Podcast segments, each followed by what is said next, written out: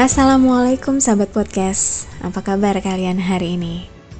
Saya tetap berharap kalian sehat dan selalu bahagia. Challenge 30 hari bersuara kali ini mengangkat tema tradisi yang pastinya banyak sekali kita ketahui dalam adat istiadat budaya kita.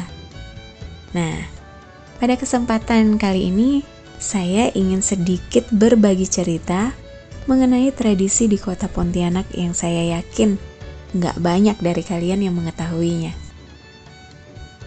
Adat Melayu tidak hanya identik pada wilayah Sumatera. Karena sebagai ibu kota provinsi Kalimantan Barat, Pontianak nyatanya memiliki asal-usul tradisi dan sejarah Melayu. Pada tahun 1771, sebuah kesultanan didirikan oleh Sultan Syarif Abdurrahman Al-Qadri di wilayah ini, etnik Melayu merupakan salah satu kaum mayoritas. Dalam prosesi pernikahan adat Melayu Pontianak pun ada sejumlah ritual yang mirip dengan adat Melayu di Sumatera, seperti tepung tawar dan beberapa prosesi lainnya.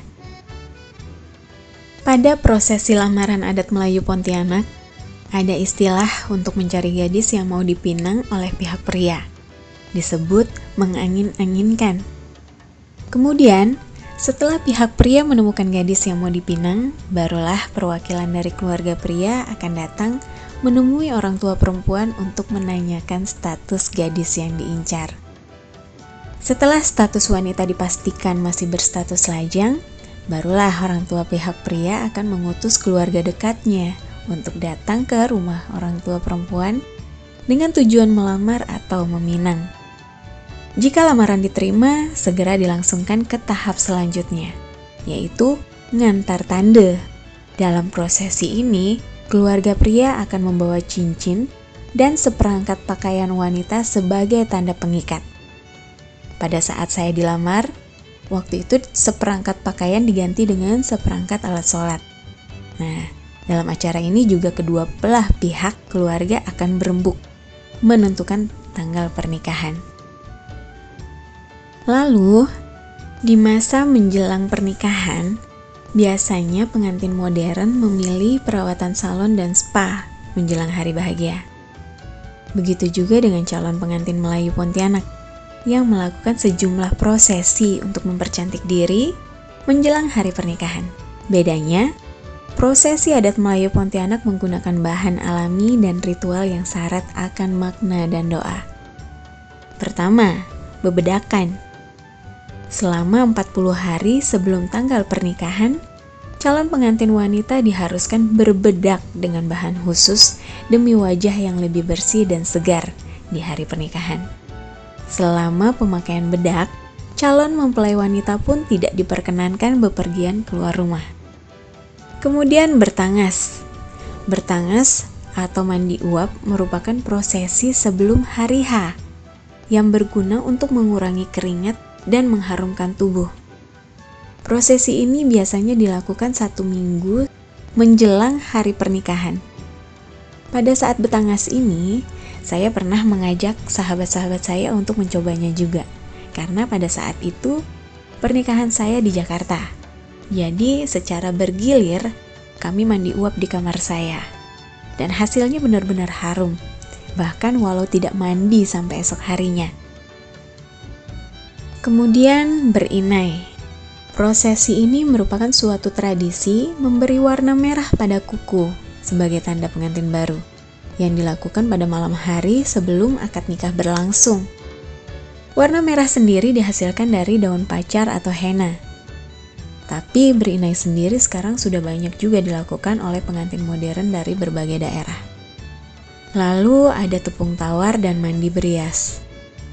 Dalam budaya Melayu, tepung tawar merupakan ritual peninggalan raja-raja terdahulu.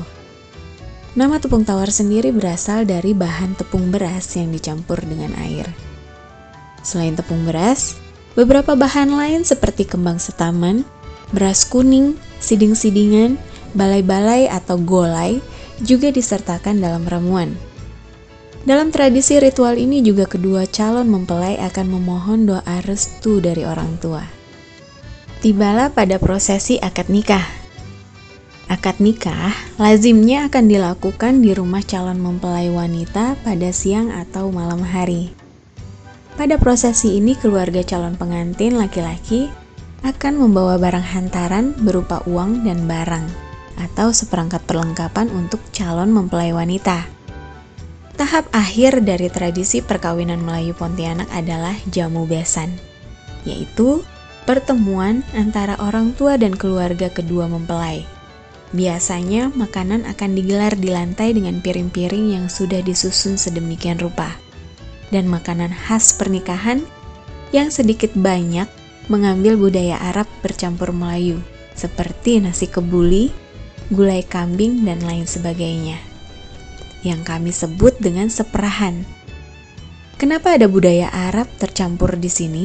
Karena menurut sejarah Kesultanan Kadriyah Pontianak, pendirinya yaitu Sultan Syarif Abdurrahman Ibni Al-Habib Hussein bin Ahmad Al-Qadri merupakan keturunan dari Rasulullah Sallallahu Alaihi Wasallam dari Sayyidina Hussein. Itulah kenapa budaya Melayu di Pontianak kental sekali dengan budaya Arab. Begitulah sedikit banyak dan kurang lebihnya tradisi pernikahan adat Pontianak di Kalimantan Barat. Apabila ada salah atau kurangnya informasi, saya mohon maaf ya sahabat, karena secara tradisi yang masih otentik sudah sangat jarang dilakukan karena tercampur dengan modernisasi masa kini. Berakhirnya informasi tradisi tadi, maka tiba waktunya saya untuk undur diri dan pamit. Kita berjumpa lagi di podcast selanjutnya ya sahabat. Tetap jaga kesehatan, tetap tebarkan manfaat dan berbagi kebaikan. Jangan lupa selalu pakai masker di luar rumah, rajin mencuci tangan dan jaga jarak aman. Wassalamualaikum warahmatullahi wabarakatuh.